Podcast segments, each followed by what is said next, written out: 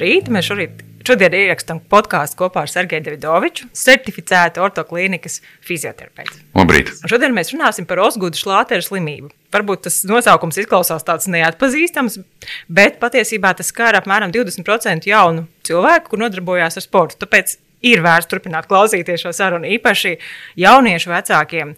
Uh, kuru teiksim, pusaudzis sportojošais ir sūdzējies jau labu laiku par, par sāpēm ceļu locītavā, par sāpēm, kuras pastiprinās, kad, cilvēk, kad tas jaunais cilvēks sporto.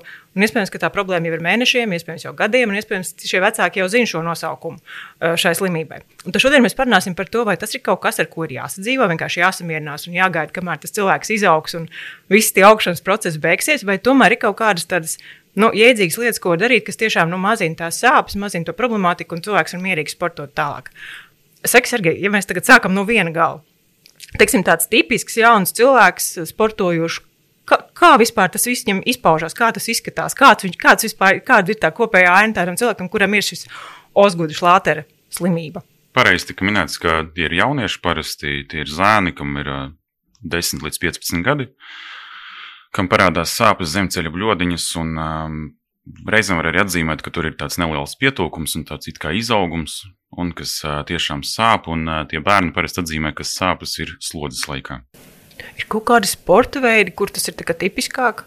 Ir arī reizēm tā, ka uh, tomēr atnāk arī meitenes, kurām arī ir līdzīgas sāpes, un, uh, bet praksē meitenes ir daudz mazāk nekā zēni, bet uh, no sporta veidiem tas varētu būt futbols, basketbols. Lielākoties tas ir jebkas, kas uh, provocē uh, teiksim, tās slodzes ceļu locītu. Tā varētu būt skriešana, lēkāšana. Līdz ar to jā, tas varētu būt vairāk basketbols, futbols, volejbols, reizēm pat arī viegla atletika. Jo vairāk vai mazāk tas uh, viss rezultējās pie tā, ka tā ceļu locīto pārslogojas zem ceļu bļodiņas un tā vieta arī sāp. Respektīvi, tā ir tā vieta, kur piestiprinās uh, saite. Bet te, te nav nekāda trauma, nekāda trauma nav bijusi. Tas viss notiek kā procesā. Jā. Varbūt to, kas tajā celī iekšā notiek, var izstāstīt. Nu, tā saprotam, kas tur ir. Tā vienkārši, precīzi, nevis saprotam. Tā kā es jau minēju iepriekš, tā saite piestiprinās pie um, kaula, un tas kauls vienkārši lielākoties vairāk tiek kairināts. Skriešana, lēkāšana provocē to, ka tas, tā, tā vieta, kur piestiprinās saite, ir vien vairāk slogojas, slogojas, un tāpēc mēs varam arī teikt, ka tā ir tāda pārslodzes trauma. Bet kāpēc tie nav tie visi tie bērni, tiek teiksim, tā pakļautai traumai? Jo viens izaug ātrāk, viens izaug lēnāk, un viena no tām galvenām hipotēzēm ir tā, ka kauliem un muskuļiem viņi nepaspēja savstarpēji vienādi attīstīties. Un līdz ar to vienam tā pārslodze izveidojas, vienam nē. Un um, te mēs varam teikt to, ka reizēm arī būtu vērts vienkārši atslogot to ceļu locītu un tādējādi arī tās sāpes pāriet. Bet, jā, arī praksē arī parādās reizēm meitenes. Un, uh, tas viens no tādiem ir viens... vairāk. Tā jā, ir, ka tie jā, tā ir puiši jā. vairāk problēma. Un arī meitenes. Arī meitenes, jā. Tagad man vienkārši praksē ir atnākusi viena meitene, kura uh, Nu, vecāki saka, ka pusgadu redzējuši, ka viņa kaut kādu ledus kompresītu katru vakaru aiznes savu istabu, nepārbauda, ko viņa tur dara, bet izrādījās, ka viņa arī uzguva šlāta slimību. Un ir arī tāds izaugums, tie ceļu locītoji, tāds neliels tieši, tieši zem ceļu bļodiņas. Man ļoti mulsināja pats tas nosaukums slimība, jo slimība asociējas ar kaut ko citu. Tā, man, man tā sajūta, ka tas ir vairāk tāda augšanas problēma ar pārslodzi. Nu, tā kopā, tā, tas, tas ir tāds biedējošs nosaukums slimība. Tā gluži nav. Tā gluži nav. Tā ir tiešām pārslodzes lieta. Un pēc idejas tiešām nu, lielākam vairumam tas viss arī aptuveni pēc 15 gadu vecuma pāriet, jo viss tas augšanas process tajā kaulā beidzās. Reizēm var arī būt tā, ka um, kādam ilgāk, kādam mazāk tas laiku prasa. Bet uh, doma ir tāda, ka tad, kad cilvēks izaug, tā lieta vairs netraucē viņam. Jā, augšanas lietas, teiksim, tā augšanas uh, lietas beidzās, un uh, tad mēs varam arī teikt, ka var, miers, jā, jā iestājās, iestājās miers, un tad, uh, jebkurā gadījumā, tur uh, var palikt tas izaugums, par kuras bija teicis, jā, bet tas vairs netraucē. Jo līdz tam 15 gadiem pieskaroties pie tā izauguma, varētu būt, ka arī tas provocē tādu sāpju, diskomfortu, nepatīkamu sajūtu. Man vēl viena lieta mulsināja, un es nezinu, vai tas var atbilst patiesībai, ka arī 5% galīgi nesportisku jauniešu tas mēdz notikt. Kāds tam ir skaidrojums? Arī uh, lieta ir tāda, ka cilvēks strauji izaug, uh, muskuļi, kauli un uh, savstarpēji nespēja teiksim, tā vienādi attīstīties.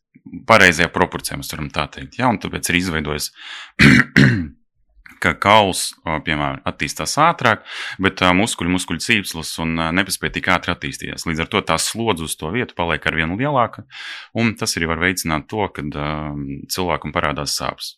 Viņš arī var būt super neaktīvs, jā, ka vispār ļoti, ļoti neaktīvs, kas mūsdienās ir diezgan populāri, kad bērni paliek mazaktīvi, un tad, piemēram, viņš aiziet ārā, kaut ko paskrien, kaut ko padara, vairākas reizes pakaļ to ceļu locīt, un arī viņam parādās tā lieta.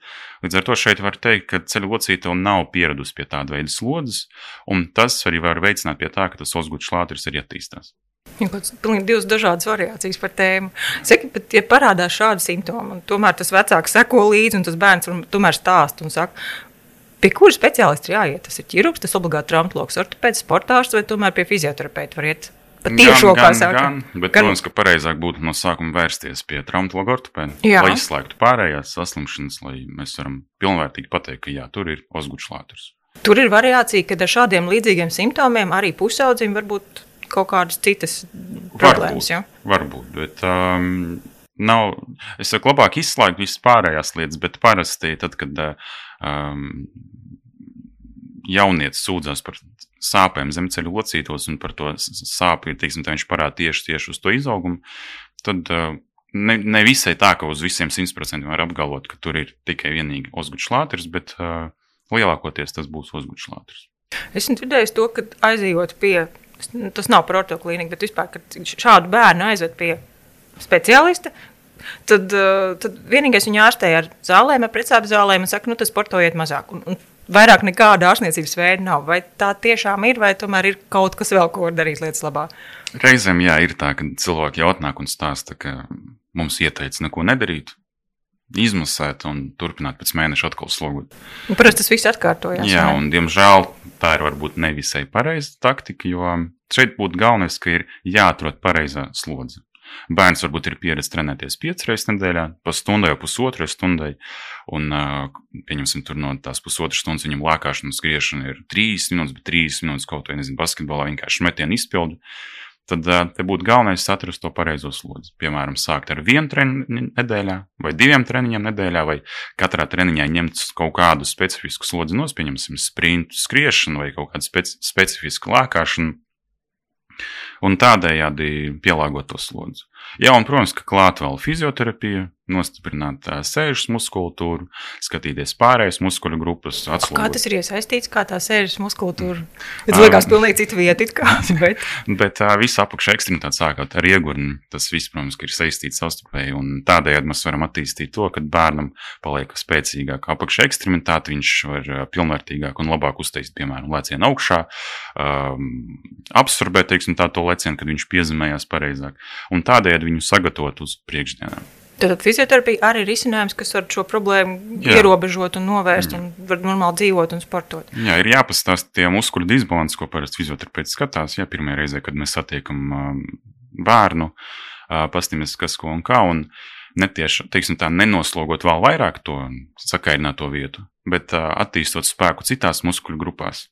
Arī piln, teiksim, tā, tā ir tāda investīcija nākotnē, kā es bieži vien saku saviem pacientiem, kad mēs tādējādi tam bērnam uzlabojam to pašsajūtu arī uz priekšdienām.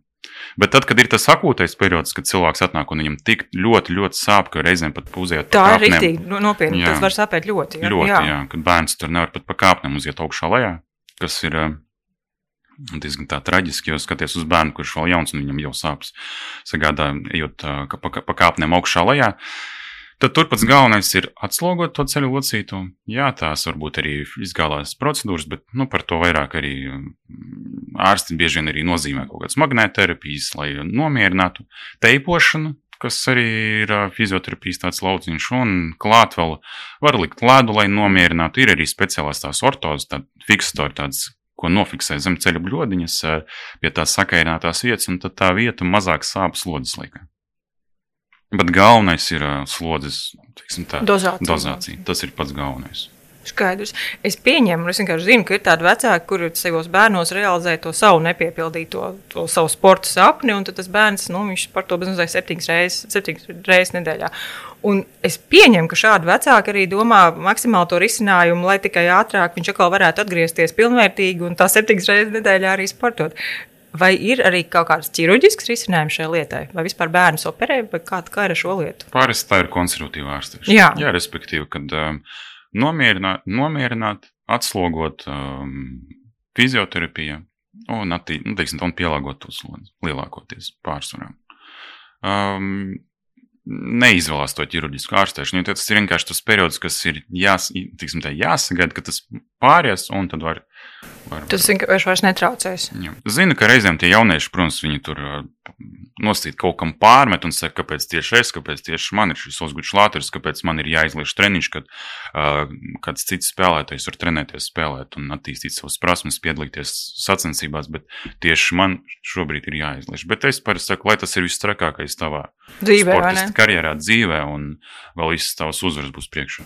Saki, tas kaut kādā veidā arī. Nu, Tiksim, šī problēma, viņa, viņa vēlāk arī veicina kaut kādu citu problēmu, veidošanos ceļu locītavā, vai tam nav nekāda sakara. Tas tiešām ir augšanas lieta, kas. Ja paskatīties, teiksim, tā kaut kādās sāpēs, tad viss sāpes provocē tādu kompensācijas mehānismu, kad bērns izvairās no kaut kādām kustībām, aktivitātēm, un ilgtermiņā tas var novest pie kaut kāda muskuļu disbalansa. Tad, respektīvi, viņš sadzīvo, mm. viņš cenšas kaut ko citu noslēgot, un tad radās mm. pilnīgi nepareizi kaut kāda pārslodze. Mm -hmm. Aha, redz kā. Jā, un tās problēmas var būt nu, dažādas. Jā, kaut kādas, pieņemsim, vai var dabūt kaut kādas citas traumas, vai pārslodzes traumas, vai um, kaut kādas nopietnākas traumas. Jo fizioterapija ir par to, ka tad, kad uh, tas muskuļu disbalans, tad mēs arī varam teikt, ka izveidojas kaut kādas citas traumas, kas um, var būt pavisam dažādas. Iegurnīt ceļgalā, potītē. Un te ir tas, ka ja cilvēks uh, ir izgājis šo procesu nevingrojot, vai pēc tam nevingrojot, vai vienkārši viņš divus, divus mēnešus neko nedarīja un tad atgriezās. Varbūt viņam tas otrs šlāteris netraucēs. Bet uz priekšdienām mums, protams, ir jārunā par to muskuļu balansu, lai pēc tam neattīstās nekādas Kaut kādas citas problēmas. Mm. Es tādu, nu, jā, tā profilaks, bet es apmēram la- dzirdu, kas ir profilaks. Profilaks, laikam, ir jau būtībā laicīgi līdz ar to sportu bērnam, lai viņam ir vingrošana, lai viņam ir fizioterapija. Jā. Pareizi, tā ir Jā, taisnība. Izvērtēt, kāds viņam ir tas muskuļu vispār stāvoklis un iet fizioterapijā. Tā kā Jā. paralēli, tā ir Jā. taisnība. Tā ir, tā ir taisnība. Jā. Veikt pašmasāžu, tie ir pašmasāžu ruļļi, kas arī uh, uzlabos tādu pašsajūtu īstermiņā, un arī fizioterapija, muskuļu nostiprināšana. Zinu, ka ir sporta veidi un klubi un akadēmijas, kur tos jauniešus arī, kad pieņemsim, ir viņiem kaut kādas problēmas, tad viņiem uz vietas ir savu fizioterapeiti, tad tie bērni diezgan ātri tiek jāprūps, viņus paskatās, treneri reizēm ir ļoti labi izglītoti, kas arī pasaka, jāpielāgo tā slodzi. Bet praksē ir arī tādi gadījumi, kad um, Viss atnāk- pēc vienas kārtas, jā, Jā. viss vienkārši. Mm. Ka neko nedarīsim, mēnesi, divus, un kaut ko mēģinām darīt, un nav labi. Un tad bērni un vecāki nezina, kur vērsties, ko darīt. Un tas ir viss tāds trakākais, laikam, ka, jā, kad redz, ka tas bērns viņš tādā izmisumā, viņš nesaprot, ko, kā, kad, kad es varēšu spēlēt, ko es varēšu darīt. Tad, tad tu saki traumatologs, ortopēds un Jā. pēc tam fizioterapeits. Tā ir Ja pareizā ir. Ja ir ātri iespēja kaut kur kaut vai nokļūt pie fizioterapeita, kas var jau ātri nomierināt, uzlīmēt teipu, tas jau arī ir labi. Bet Tas palīdzēs. tā vajadzētu vērsties pie traumatologa ortopēda, izvērtēt, vai vajadzīga medikamentoza ārstēšana, vai pietiks ar vienkāršu atslogošanu un fizioterapiju. Mm, Nu jā, nav izslēgta, kā tu teici, Jā, citas jā. iespējamas arī blakus slimības, kas vēl var būt. Nu, ko, liels paldies tev par, par, par izklāstu, par, par stāstu. Paldies tev. Paldies! jums. Līdz nākamajai reizei. Līdz nākamajai reizei. Paldies!